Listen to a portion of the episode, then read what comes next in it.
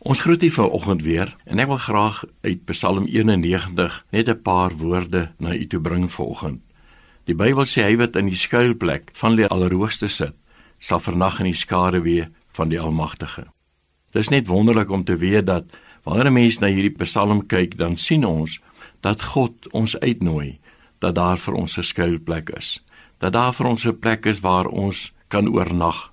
'n Mens dink baie keer in die donker tye van 'n nag wanneer dit miskien moeiliker raak en wanneer mens dink aan al jou bekommernisse, dat ons na die Here toe kan gaan en weet dat ons by hom kan skuil.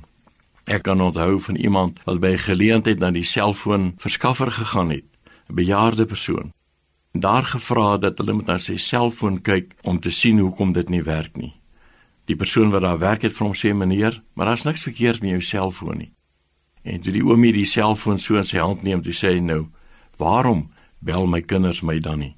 Ek wil graag ook vir u sê baie keer wanneer mense in eensaamheid omgevou word en in eensaamheid vasgevang word, dat ons dan ook na die Here toe kan gaan en weet dat selfs in daardie eensaamheid is die Here by ons.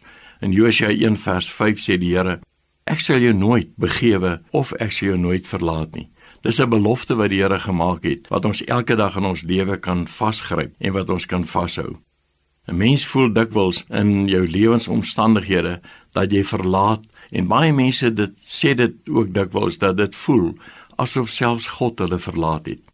Maar wanneer ons kyk na die Bybel dan sien ons dat die Here tog vir ons sê dat hy met ons is, dat hy saam met ons is, dat hy ons nooit sal begewe ons nooit sal verlaat. Ja, self al gaan ons deur die water, dit sal ons nie oorstroom nie. Deur die vuur dit sal ons nie verbrand nie, want God maak 'n belofte dat hy met ons is.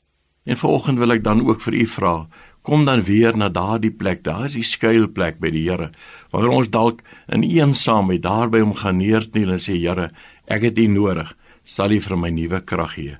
Kom ons vra hom ook vir hierdie dag dat hy jou sal help.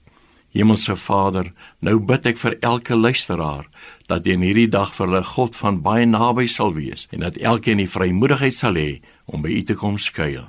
Amen.